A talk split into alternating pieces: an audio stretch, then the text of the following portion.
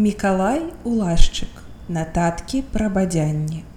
Палесе ізноў. Улетку 1929 года мы удвух з юзікам зрабіць меркавалі пехатою падарож на раку Арэсу, каб паглядзець меліярацыйныя работы, а адтуль прайсці на князь возера. Такім чынам хацелі аглядзець паўночнае палесе для параўнання з паўднёвым тураўшчынаю і азнаёміцца з новым палессем, якое будавалася на асушаных балотах. Неўзабаве перад тым на арэсу ездзіў наркамзем прышчэпаў з М зарэцкі. Зарэцкі скора надрукаваў у газеце свае ўражанне пад назваю падарож на новую зямлю. Гэты газетны артыкул неўзабаве выйшаў асобным выданнем і крыху пазней нарабіў шмат шуму. Зарэцкага абвінавачвалі, што ён уславіў у літаратуры прышчэпаўшчыну улетку калі мы збіраліся пра гэта яшчэ нічога не было чутна. Зразумела што імкнучыся ўбачыць усё цікавае на сваёй бацькаўшчыне мы не маглі абмінуць гэты паход на беларускія балоты дзе ствараўся новы каланізацыйны фонд. Пра асушаныя тарфяныя балоты расказвалі цуды. Ураджайнасць іх перавышала ўраджайнасць украінскіх чарназёмаў Тэрыторыя рэспублікі павінна павялічыцца на чвэрць добрыя ўраджайныя глебы. Мандаты на падарож я падрыхтаваў яшчэ перад ад'ездам на ўкраіну і зараз жа трэба было адпраўляцца туды, бо часу заставалася зусім мала. Але, прыехаўшы ў Менск, я не застаў на месцы юзіка. Гэта была проста здрада. Ён узімку жаніўся і паехаў да цесця, а адтуль у случчыну, каб паказаць жонку і сына сваім. Выцягнуць яго адтуль было немагчыма. Жанаты ўжо як-ніяк падначальваецца жонцы. Усе іншыя хлопцы таксама раз'ехаліся з Менска і мне трэба было ці ехаць у віцькаўшчыну, дзе бясспрэчна прымусілі б касіць, ці ісці на агляд новыя зямлі аднаму. Я вырашыў апошняе. Уночы я сеў у цягнік на асіповічы, а рана быў у рэчы.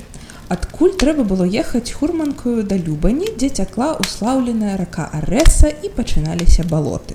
Урэчча некалі слаўная на ўсю літву сваімі шклянымі вырабамі зараз дробнае месца дачнага тыпу. Курманы яўрэі да ваенныя якасці з доўгімі бародамі ў сурдутах прапанавалі на перабой ехаць з імі мяне спакусіла біблейная барада амаль да пупа і рахманы твар аднаго з іх Беларускага тыпу калёсы былі давергу завалены свежым пахучым сенам. Флегматычная чорная кабыла гарантавала ціхую спакойную язду. Я ўлез у гэту брычку і выцягнуўшыся на сене збіраўся спаць да самае любані. Але мяне попрасілі крыху саступіць. Бо ўслед за мною лезла на сена яшчэ адна біблейная фігура. Наша кабыла, відаць, нічога не заставіла дома і не спяшалася. Колькі гаспадар не тузаў залейцы і не цмокаў на яе кабыла пазірала ў зямлю і не краталася з месца. Суседзі, якія ўжо зрушылі сваіх рысакоў, прапанавалі нам падкласці пад хвост кабылі крапівы ці ўкалоць яе шылам, але гаспадар, дастаўшы пугу, хвасянуў ёю разы два і мы зрушыліся. Пяскі, пяскі, бедная беларуская прырода. Вёска палескага тыпу з дашчатымі чорнымі стрэхамі гарачае сонца на небе пыл на зямлі. Тры яўрэі сабраўшыся разам зразумела маўчаць не будуць. Тры яўрэі таму што я таксама яўрэй. Гэта для маіх суседзяў бясспрэчна. Калі афіцыйная частка скончылася і мы зрушыліся гаспадар зварачаецца да мяне ўжо па-яўрэйску Я смяюся і кажу, што не разумею. І зноў запытанне: Хіба ж я не яўрэй, нос, валасы, твар усё чыста яўрэйскае. Аднак я сцвярджаю, што не яўрэй, а беларус. Абодва старыя усміхаюцца, не яўрэй, дык не яўрэй. Зараз колькі хочаш моладзі, якая зракаецца яўрэйскага. Раней яны хацелі быць рускімі, а зараз робяцца беларусамі. Такая ўжо пара. Яны пачынаюць гутарку паміж сабою, а я скора засынаю. Павозка паўзе паміж спеючага жыта набліжаецца па лесе. Любань брудная, чорная, як усё ў палесе мястэчка. Яно ляжыць на беразе ракі арэсы на самае ўскраіне балот. Зараз сухое, гарачае лета, але любаньская вуліца гэта калекцыя вялікіх і малых ямаў. Збоку каля платоў ідуць паламаныя драўляныя тратуары Зусім не цяжка ўявіць сабе, што тут творыцца ўвосень ці вясною. Не стае толькі чаўноў каля хаты, а то б было зусім падобнае да тураўскага маліша. Насельніцтва яўрэйскае. З вакна аптэкі глядзіць цудоўны іудзейскі твар маладой дзяўчыны. Вялізныя чорныя вочы, з якіх, здаецца, сыплюцца іскры, чорныя з бляскам валасы. Дзяўчына нешта крычыць сваёй таварышцы цераз вуліцу. Гляджу на яе і заходжу ў аптэку купіць сабе зубную шчотку. Шчотак у любенскай аптэцы няма. Дзяўчыны таксама. Іду далей па мястэчку і бачу шыльду. Прадаюцца напіткі. Квас содавая вада. Прашу вады. Гаспадар установы худы, які стары барадаты яўрэй робіць напытак тут жа пры мне, каб не было ніякага зману. Ён чэрпае з вядра шклянку холодная негатаваная вады, сыпля лыжку соды, мяшае і гатова. Увесь яго завод под руками, шклянка соды і вядро рачной вады. Арэса цячэ адразу за мястэчкам. Яна плыткая, вузкая, брудная, як усе рэкі, якія цякуць па тарфяным рэчышчы. Берагі ў лозах. Тут раздолля толькі дзікім і свойскім качкам. Некалі ў запарожскай сечы быў любаньскі курань. Арэса прыток пцічы. Тое самае пцічы, што цячэ пад менскам праз ваўчковічы, прылукі, самахвалавічы. Пціч прыток прыпяці. Відаць, такім шляхам і ўцякалі даўнія любанчані ў запарожжа. Дарэчы, зараз іх нашчадкі мала падобны да запарожцаў. Тым часам барадаты хурман кліча мяне назад у сосны сталіцу асушаных балот. едзе чалавек. З ім можна зараз даехаць. І зноў біблейная фігура хаця і не з такою доўгаю барадою, як у рэчы. Такая ж кабыла і калёсы. Змены, якія адбываюцца побач з любанню покуль што самой любані не кратаюць. Там усё яшчэ ідзе па-старому. Пясчаная дарога канчаецца, пачынаецца лес. Ён ужо добра падвысечан. Былое беларускае багацце лес зараз у натуры існуе часта як хмызняк кусты. Лес існуе больш тэарэтычна, чым у натуры, але ў палесе ў натуры яго яшчэ крыху больш, чым у другіх мясцох. Тут паабапал дарогі растуць хваіны, дубы, бярозы, арэшнік, лес недагледжаны, скрозь валяецца голля, а часам і спілаванае дрэва. Ён цягнецца кіламетры тры, за ім пачынаецца балота. Гэтыя балоты на поўдзень ідуць да прыпяці і за яе, а на захад да Польшчы. Польшчы этнаграфічнай пад берасцем. Неабсяжныя балоты з астравамі сухое зямлі, дзе раскінуты вёскі і расце лес. Дзе-нідзе балота праразае плыткая напаўзаросшая канава. Гэта сляды меліярацыйных работ сялян ці пана Агаркава, якому некалі належаў увесь гэты абшар зямлі такія прымітыўныя канавы ніякіх змен унесці не маглі. Белы пясчаны пыл мяняецца на тарфяны, чорны. Балоты і балоты. Выгляд іх паступова мяняецца. Чым дальш, тым усё выразней робіцца дзейнасць на балоце чалавека. Арка з тонкіх сухіх бярозак азначае, што пачынаецца каланізацыйны фонд балотаў, дзе зараз вядуцца работы. Дарога набывае больш цывілізаваны выгляд. Яна абведзена канавамі і выраўнена. Кажуць, нібы на палесе працэс аддзялення вады ад зямлі яшчэ не скончыўся. Гэты працэс зараз падганяецца. Праз некаторы час ад аркі пад простым кутом да дарогі праходзіць першая новая канава. Яна ідзе роўная пад шнурок і траціцца недзе на небасхіле. За ёй другая, трэцяя, Упоперак ім раўналежна дарозе ідзе шэраг другіх меншых канаў, па якіх балотная вада збягае ў глыбейшыя канавы і адтуль у раку. Балота падсыхае, рыхтуецца да апрацоўкі. А сока на ім робіцца ўжо не такая ярка-зялёная. Вечарэла. Сонце спускаецца за кубку дрэў уперадзе гудзе трактар. У 1929 годзе ў нас трактар быў яшчэ рэдкаю машынаю. Балота тут скрозь парэзана на правільныя чатырохкутнікі. За намі ззаду яны зялёныя, уперадзе чорныя, ужо заараныя.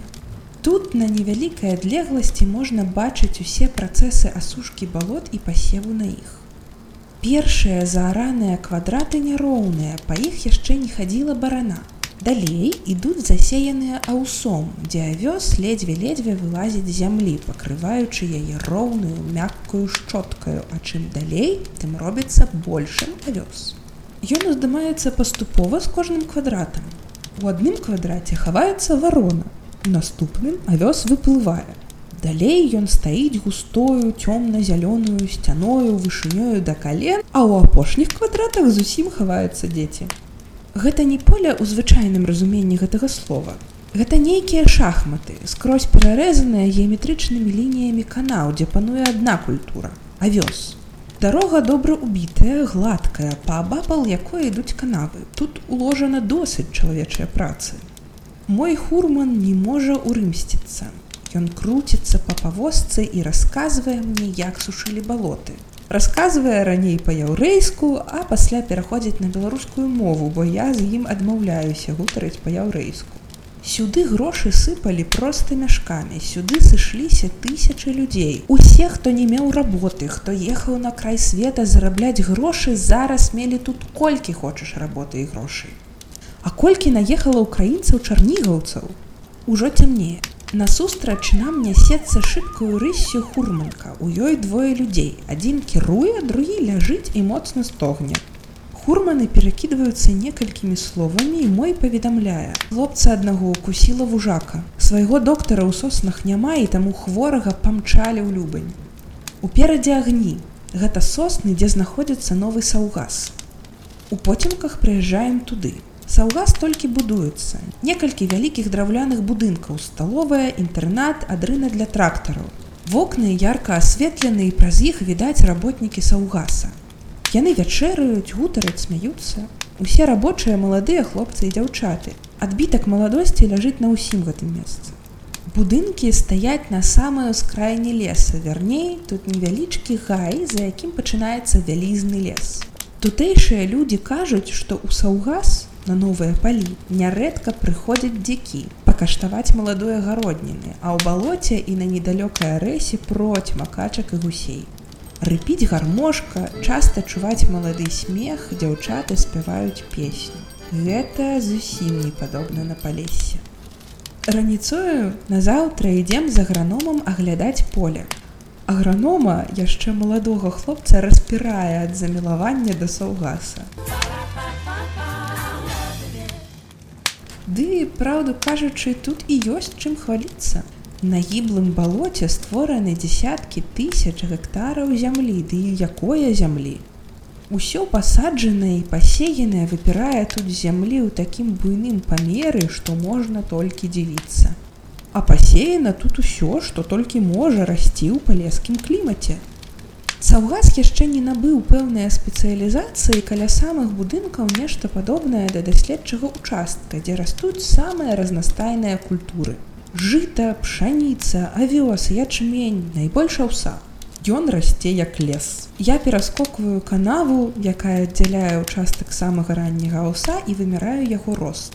Ён адзін метр 15 сантиметраў і такі густы, што пэўна зайцу ці нават сабаку цяжка прадзірацца.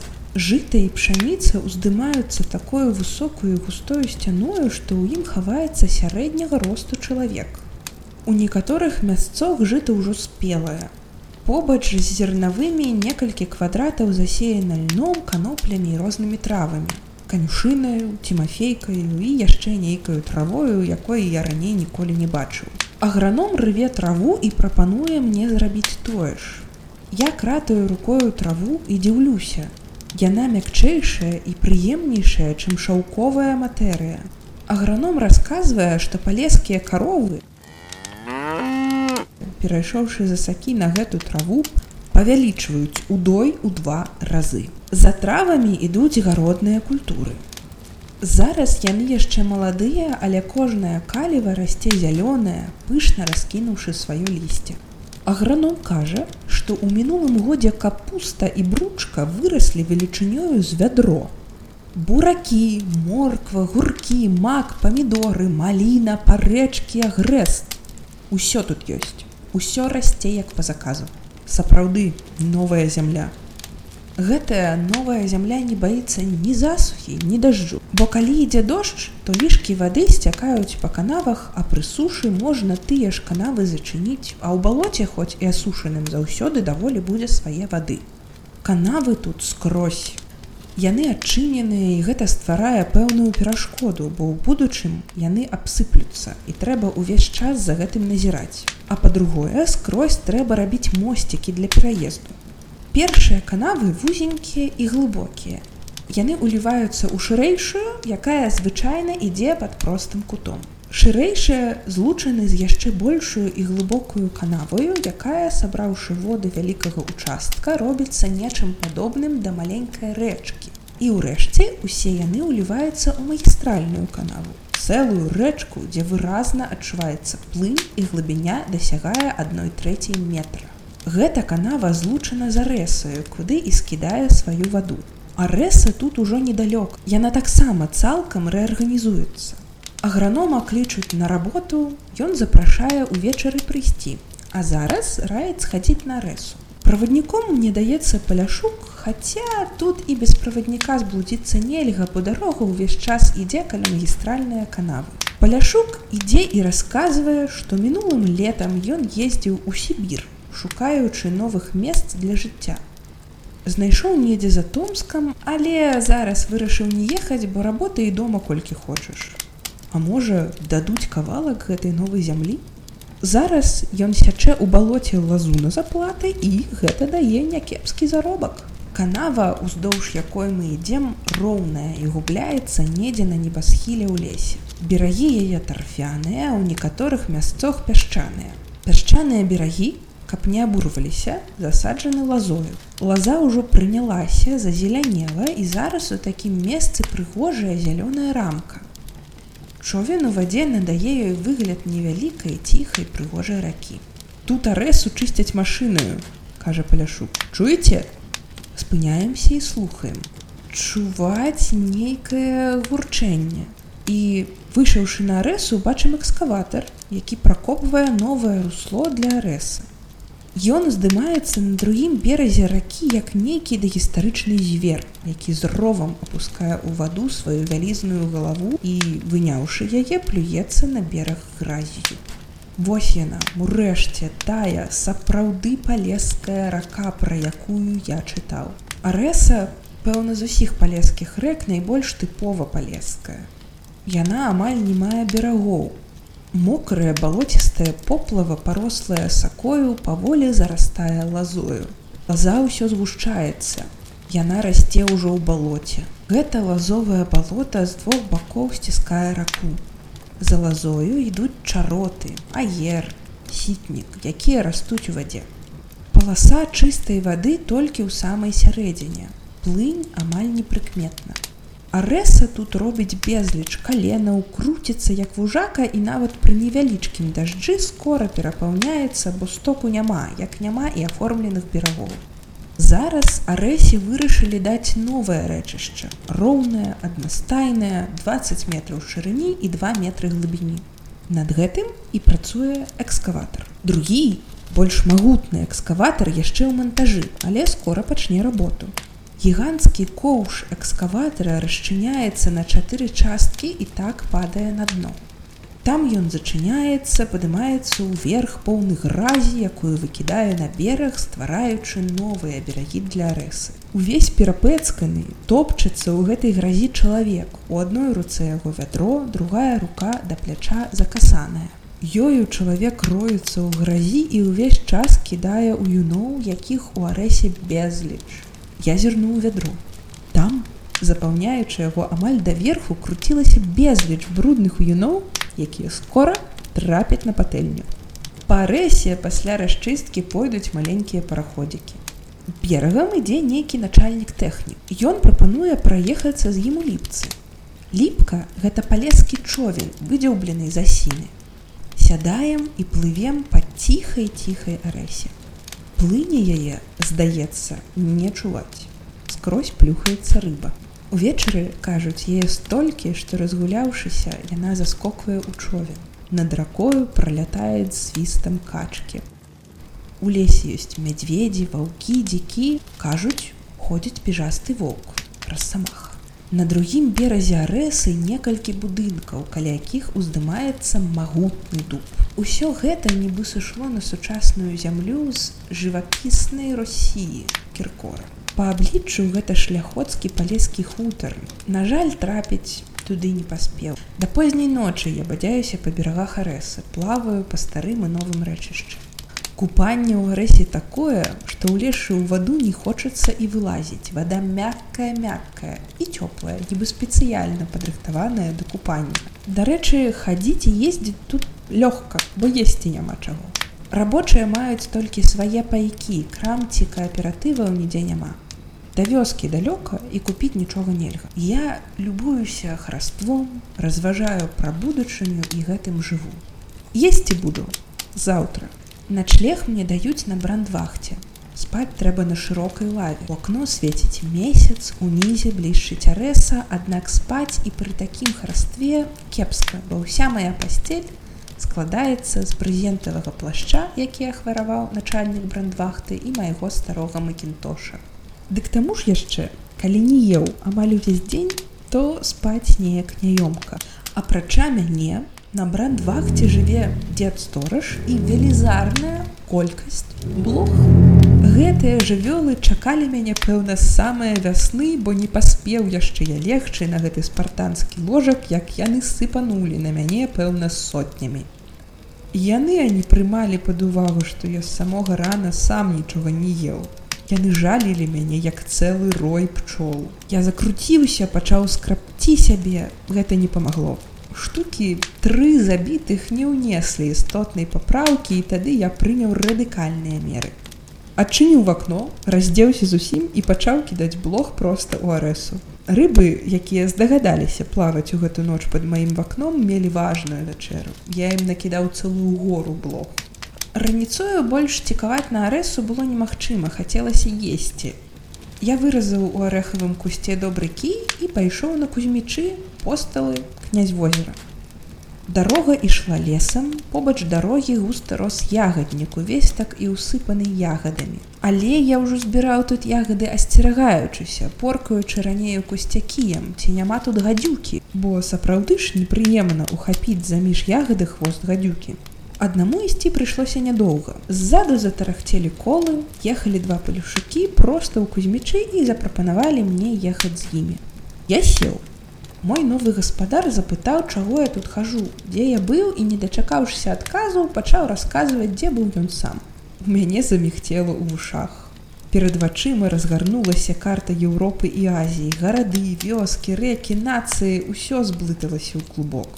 Гэты паляшук у час сусветнай вайны салдатам аб'ездзіў усю былую рассію, патупаў па Прусіі і Аўстрыі, быў на Каўказе, у Румыніі, а ўрэшце трапіў у рускі экспедыцыйны корпус у францыі. Зараз маючы мала часу ён спяшаўся ўсё гэта выкласці. Ён паспеў толькі пералічыць назвы покуль дабраліся такім чынам да парыжа паказаліся кузьмічы. Я падзякаваў гаспадара і пайшоў пытаць дзе у кузьмічах можна добра паснедаць. Кузьмічы чыста палеская вёска. Чорная брудная без зеляніны Розніца вёскі левага берага прыпяці ад правабярэжных хіба тым, што тут у кожнай вёсцы жыве некалькі яўрэйскіх сем'яў. На адным ганку круцілася дзяўчына яўрэйка, прыгожая, смуглая, але няхайна апранутая. Я звярнуўся да яе на конта закусіць і яна запрасіла да сябе. Покуль смажылі яечню, можна ўспомніць што-небудзь з мінулага яўрэйскага жыцця на палесе.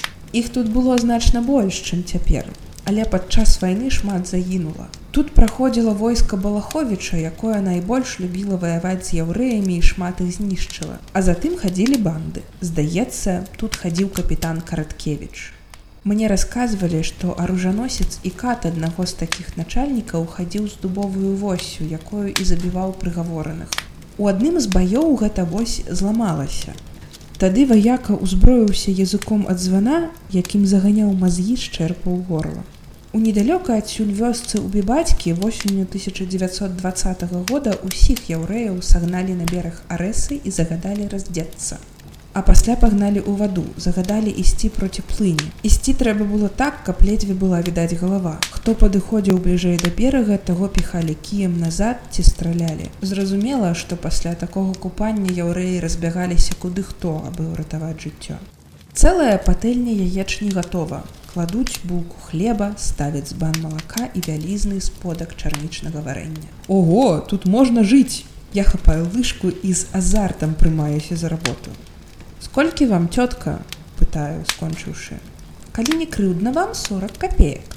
40 не 40 не крыўдна возьмеце 50 тут грошы яшчэ цэняцца дорага і так скрозь на палесе у кузьмічах рабіць няма чаго. Я спяшаюся да князь возера але яшчэ зварочваю бок каб зірнуць на балотнае возера якое ляжыць недалёка ў лесе гэта возера маленькае плыткае яно зусім круглае і падобна на сподак дно ўсё гразкае. На возера ходзяць піць сялянскія каровы, якія пасуцца ў лесе. Далейшы шлях ляжыць на посталы. Посталы па палеску лапці. У посталах пільня ёсць кааператыў, адначасна посталы канец чыгуначнай веткі ад станцыі старушкі. Купляю тут цукерак і папярос, каб лягчэй было заводзіць знаёмства і іду да дзякавіч, якія знаходзяцца на самым беразе возера князь. Маё з'яўленне ў нейкай маленькай вёсачцы перад дзякавічамі дало нечаканы эфект. Апрануты быў кепска, цераз плячо вісела скураная торба з уціральнікам, мылам, на другім плячы макінтош, у руках вялікі арэхавы кій. Твар абветраны, загарэлы. Дарога, па якой я ішоў у вёску пры ўваходзе паварочвала пад простым кутом адразу з-за хлява.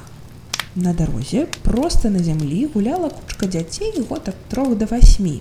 Толькі я паказаўся з-за хлява як усе дзеці сарваліся з месца і з енкам. Цыган! З усяе сілы кінуліся ўцякаць у вёску. Маленькі трохгадовы хлапчук якога цягнулі за абедзве рукі старэйшыя вішчэў як парася ад жаху ён не мог глядзець уперод увесь час аглядаўся назад каб бачыць ці даганяю я яго гвалт і лямант енкі Адбегшы на сярэдзіну вёскі, дзеці пасмялелі, сталі на дарозе і пачалі лаяць мне. Цыган, цыган, цыган!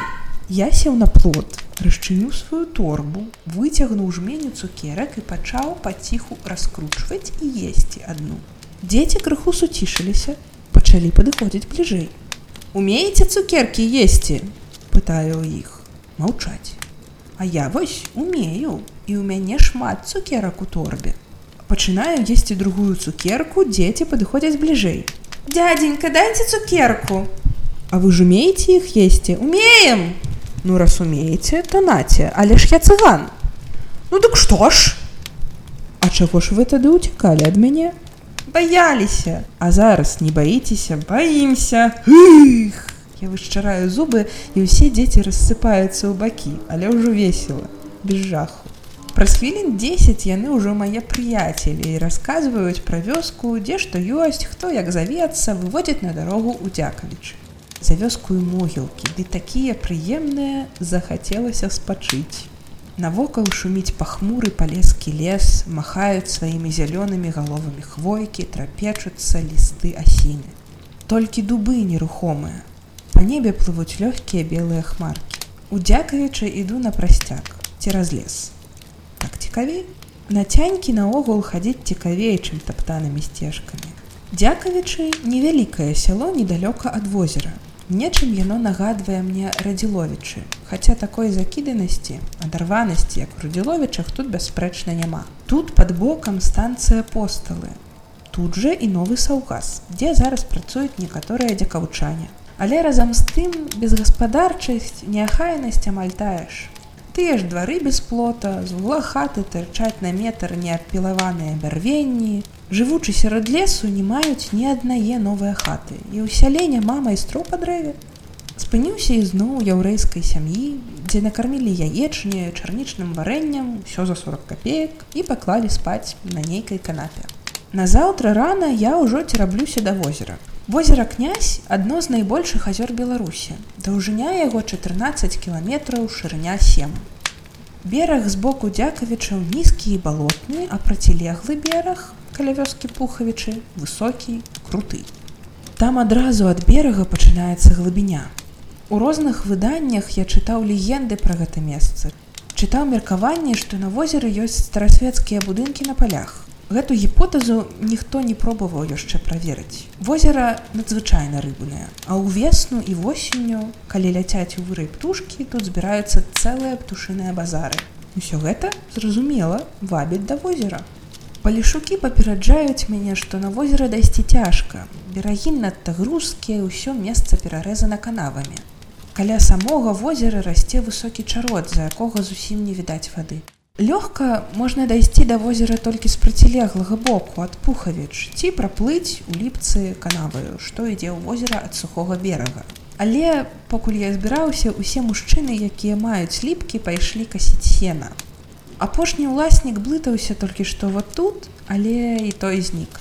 Я вырашыў папробаваць дайсці да возера з свайго берага. Можа, не такі страшны чорт, як яго малююць. Мясцовасць к возеру апускаецца надта павольна. Раней ідзе лес, які змяняецца полем. На поле яшчэ растуць адзінокія вялізныя дубы. За полем ідзе мурожная поплава, а за ім поплава нізкая, балоцістая. К возеру ідзе сцежка, якой я трымаюся. Сенакос ужо прайшоў, трава скошана скрозь.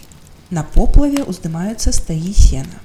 Чым бліжэй да возера, тым мясцовасць робіцца ніжэйшую. Пад нагою праступае вада, паабапал сцежкі расце лаза, а вось і канава. Тут ёсць адна даволі шырокая канава, якая ідзе проста ў возера. Па ёй, дзе каўчане выплываюць у возера. Да гэтай канавы праведзена шмат меншых, якія павінны скідаць лішнюю ваду ў возера. Канавы выконваюць гэтую работу вельмі кепска і найперш таму, што яны запушчаны, а затым, што няма нахілу к возеру.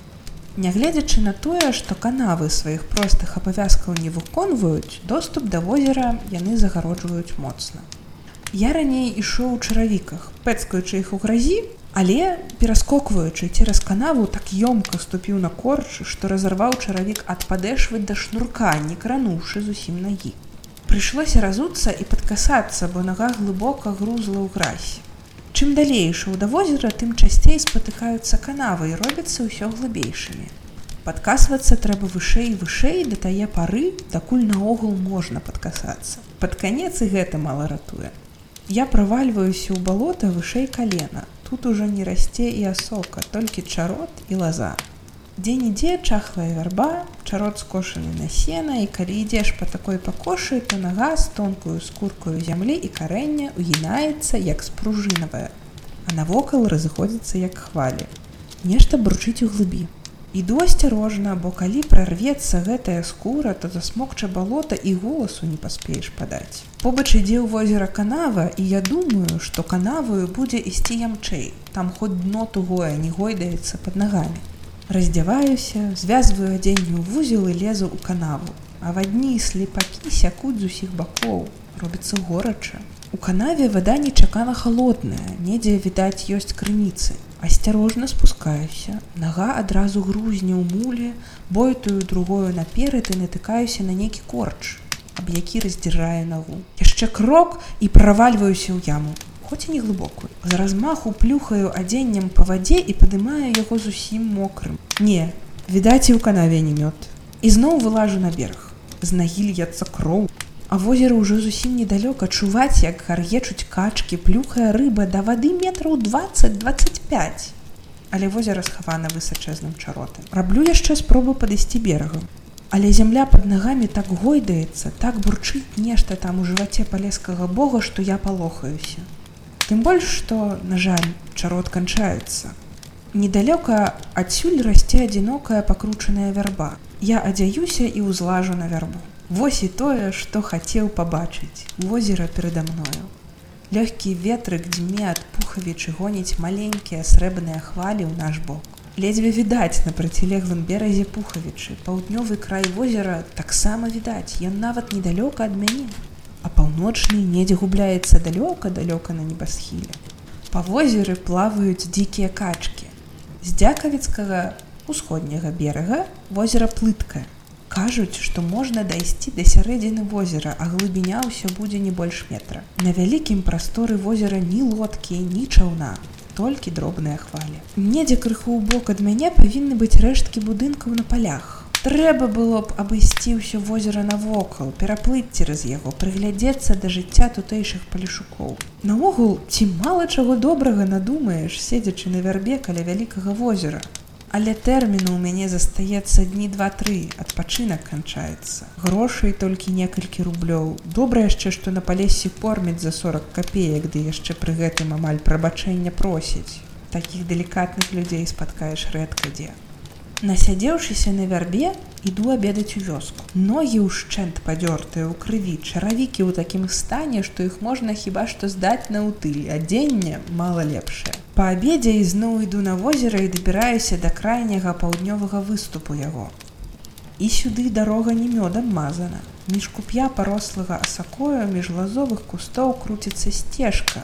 І зараз гарачым летам грузкая, брудная, Палішукі ходзяць тут або босыя, высока падкасаўшыся, або ў вялізных юхтавых выцяжных ботах, вымазаных дзёгцем. Бераг тут ужо не такі непрыступны. Можна, не рызыкуючы ўтапіцца ў балоце дайсці да берага. Заўтра нядзеля. Да палесся пяцідзёнка яшчэ не дайшла і выхадны дзень спраўляецца ў нядзелю. Недзе ў баку к вечару дзяўчаты пачынаюць спяваць песню.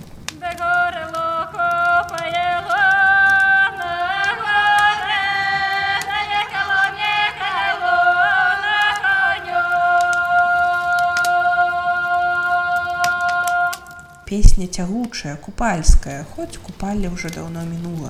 З-за возера ад пухавіч чуваць у адказ другая песня. Па лесе рыхтуюцца сустракаць свята.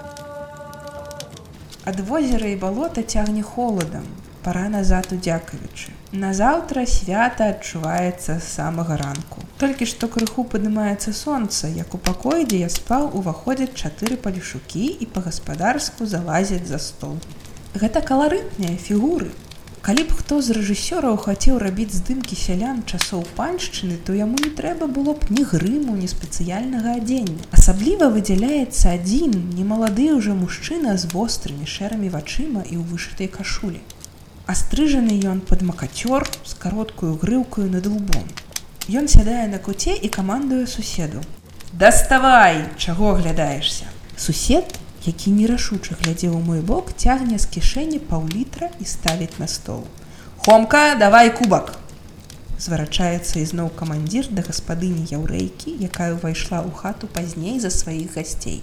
Відаць, гэта самая звычайная справа, бо гаспадыня, нічога не кажучы, ідзе ў другі пакой і выносіць вышчарблены кубак. Моўчкі наліваюць кубак і ні да каго не звяртаючыся, п'юць па чарзе гарэлку, нічым не закусваючы. П'юць як ваду, не крывячыся і не плюючы, як гэта належыць у такім выпадку. Яўрэйка ўжо даўно нічым не таргуе, але ўсё ж яе хата разглядаецца ўсімі як месца грамадскае. Карчма. Сюды ідуць усе. Хто хоча, сколькі хоча сядзіць і ідзе назад, нічога не кажучы гаспадыня. Тая таксама лічыць гэта нармальным.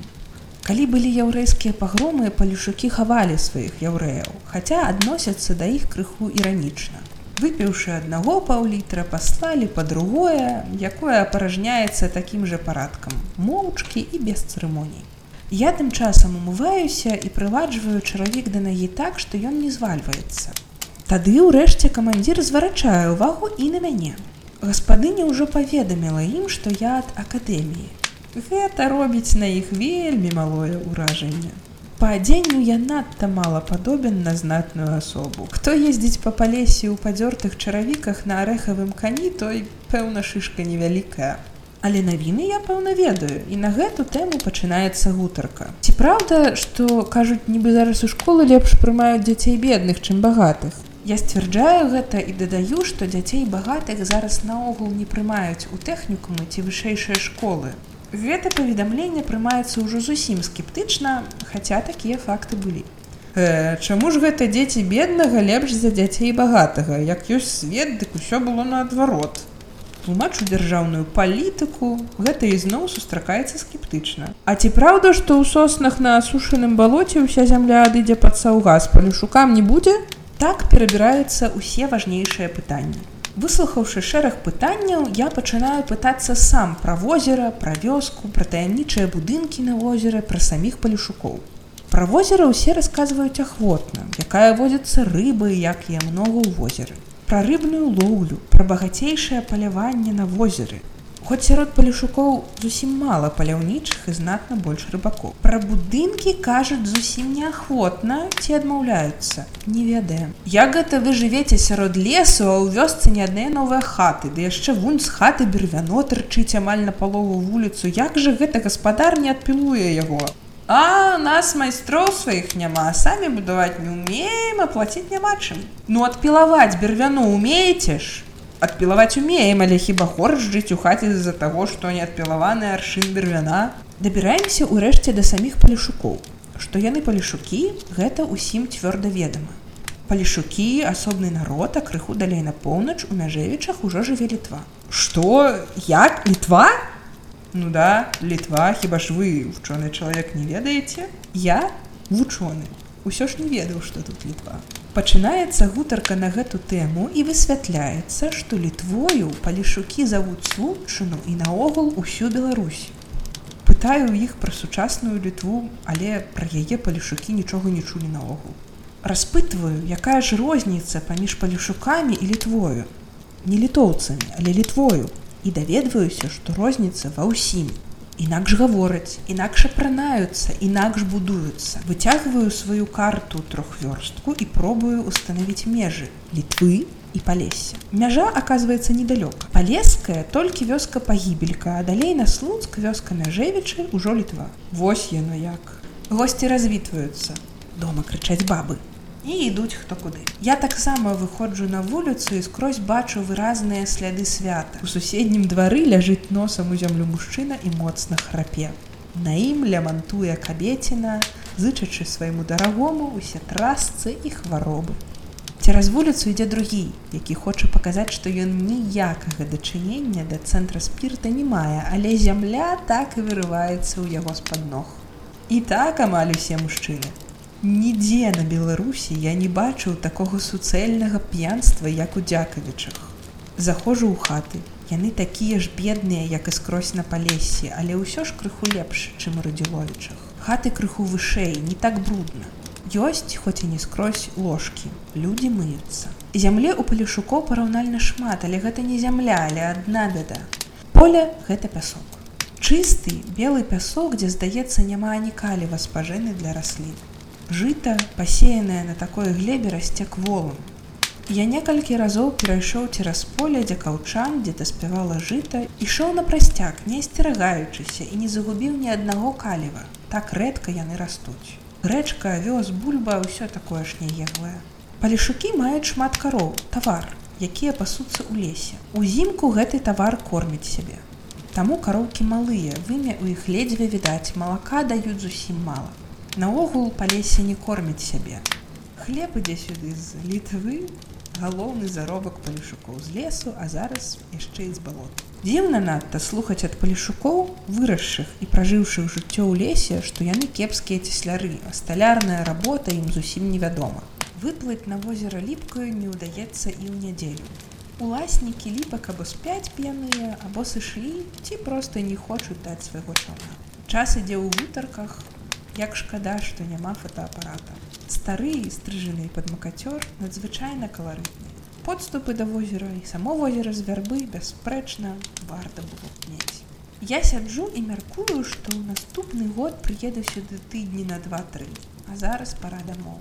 Дамоў пайду новую дарогу на слуцк і пайду пехатою. У нядзелю пад вечар пакідаю дзякавічы, іду на пагібельку, жэвічы, сліву, пагост, слуцк вузкая лясная дорога, хмурый полесский лес.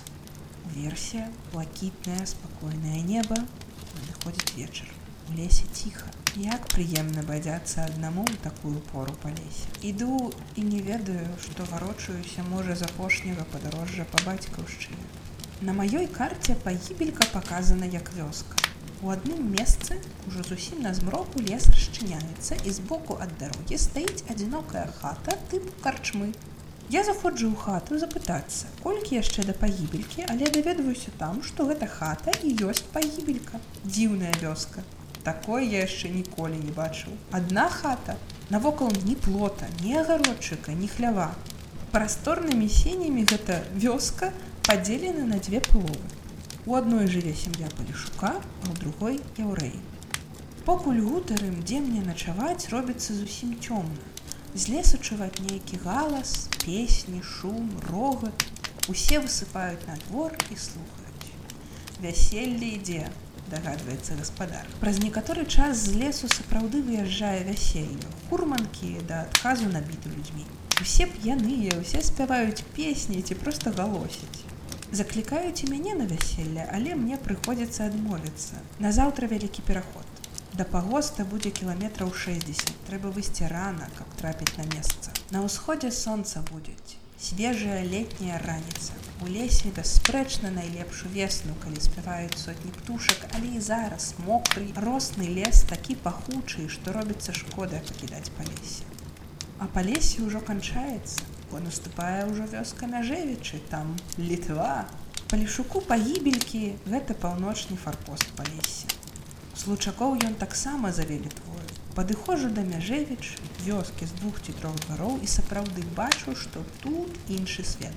Нідзе я не бачыў яшчэ такой рэзкай розніцы, як тут. Розніца літаральна ўсё. І зямля, і лес, і будынкі, і людзі, і адзенне на людзях і іх мова. Мяжевічы гэта ўжо чыстая Беларусь. Беларусь слуцкая, выразней кажучы вышэйшага гатунку. Тут канчаюцца палескія пяскі і пэўна, таму так і розніцца ўсё. Пачынаецца ўрадлівая случына. Высокую сцяною стаіць жыта пышныя агароды. Хаты і двары абгароджаны плотам і свінні не шпацыруюць дзе хаця. Каля хаты сад, самі хаты новыя, высокія, крыты не торчыцамі, як належыць па палескіх звычаях, але саломная. Страха не кудлатая, разнесеная ветрам, але гладкая, зробленая гаспадарня. На людзях няма кашуль да калена, апрануты ўкрамная. Твары весялейшыя, больш жывавая. Гутарка беларуская з рэзкім аканнем. Лес і тое робіцца тут больш вясёлым. Хто хоча паесці смачнае, вялізнае, салодкае чарнічкі, няхай тут з'ездзіць у мяжевічы. Там яе процьма. За мяжевічамі суцэльны палескі лес скора канчаецца. Далей ідуць лясы асобнымі плямамі, абкружаныя з усіх бакоў палямі. Перад самым выхадам з лесу на дарозе трапляецца вужак. Убачыўшы мяне, яна сыкае і спяшаецца кінуцца ў кусты. Я прыціскаю яе да зямлі, расшчапляю палку, уціскаю ў расшчэп галаву вужакі і нясу, выцягнуўшы перад сабою. Вужака паказвае мне язык і кажа сваё: хвост яе круціцца ва ўсе бакі. Яна энергічна цярэбіцца з кійка, што ўрэшце ёй удаецца. Ляпнуўшыся ў пыл дарогі, яна з усяе сілы ўцякае ў лес, а я за ёю. Лаўлю і другі раз ушчамляю, хоць уласна кажучы, яна мне зусім не патрэбна. Выбраўшыся з кія другі раз, вужака ўжо кідаецца не ў лес, але на мяне. Мне трэба адскокваць, бо яна кідаецца з вялікаю энергіяй. Урэшце ўсё ж верх застаецца на маім баку. Я ушчамляю яе трэці раз, але такая гульня ўрэшце абрыдла. Палажыўшы на пень, разбіваю ёй галаву і іду далей. Лес канчаецца зусім. Ідзе багатая случына. Скрозь палі з жытам, пшаніцаю ячмянём, бульбаю, канішынаю. На палях работа. Мяне часта запрашаюць на работу. Дзяўчаты прыгожыя, бойкія, жвавым языком клічуць застацца. Добра і пагутарыць з такімі людзьмі. У поўдзень, калі сонца пачынае добра смажыць, залажу ў нейкі пералесак і кладуся спаць.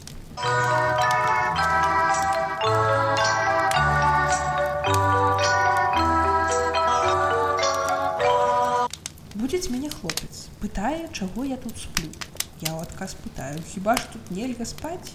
Ён разважае і надумаўшы кажа: « А чаму ж нельга, калі вам хочацца спаць, то і спіце сабе. Увечары прыходжу ў пагост і іду да члена сельсавета прасіць начлег. Член малады еўрэй пытае, хто я такі. Я паказваю свой мандат, гэты мандат робіць цуд.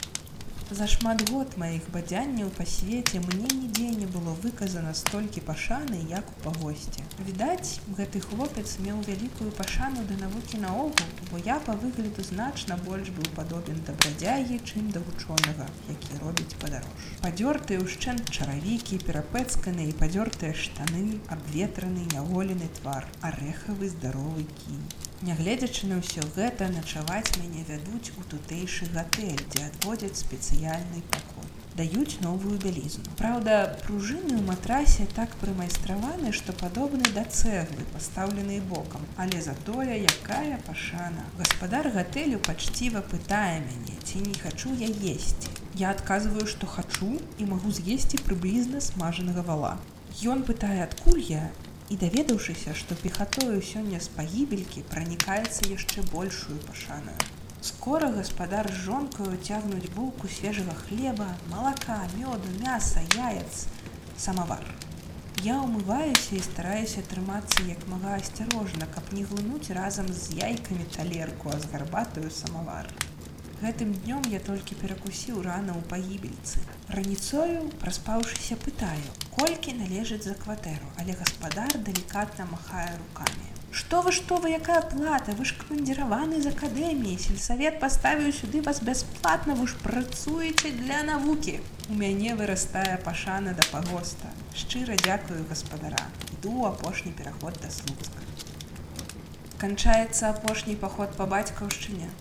Канчаецца маладосць. Ідзе 1930 год. У квадратных дужках 1937 працяжнік 1941.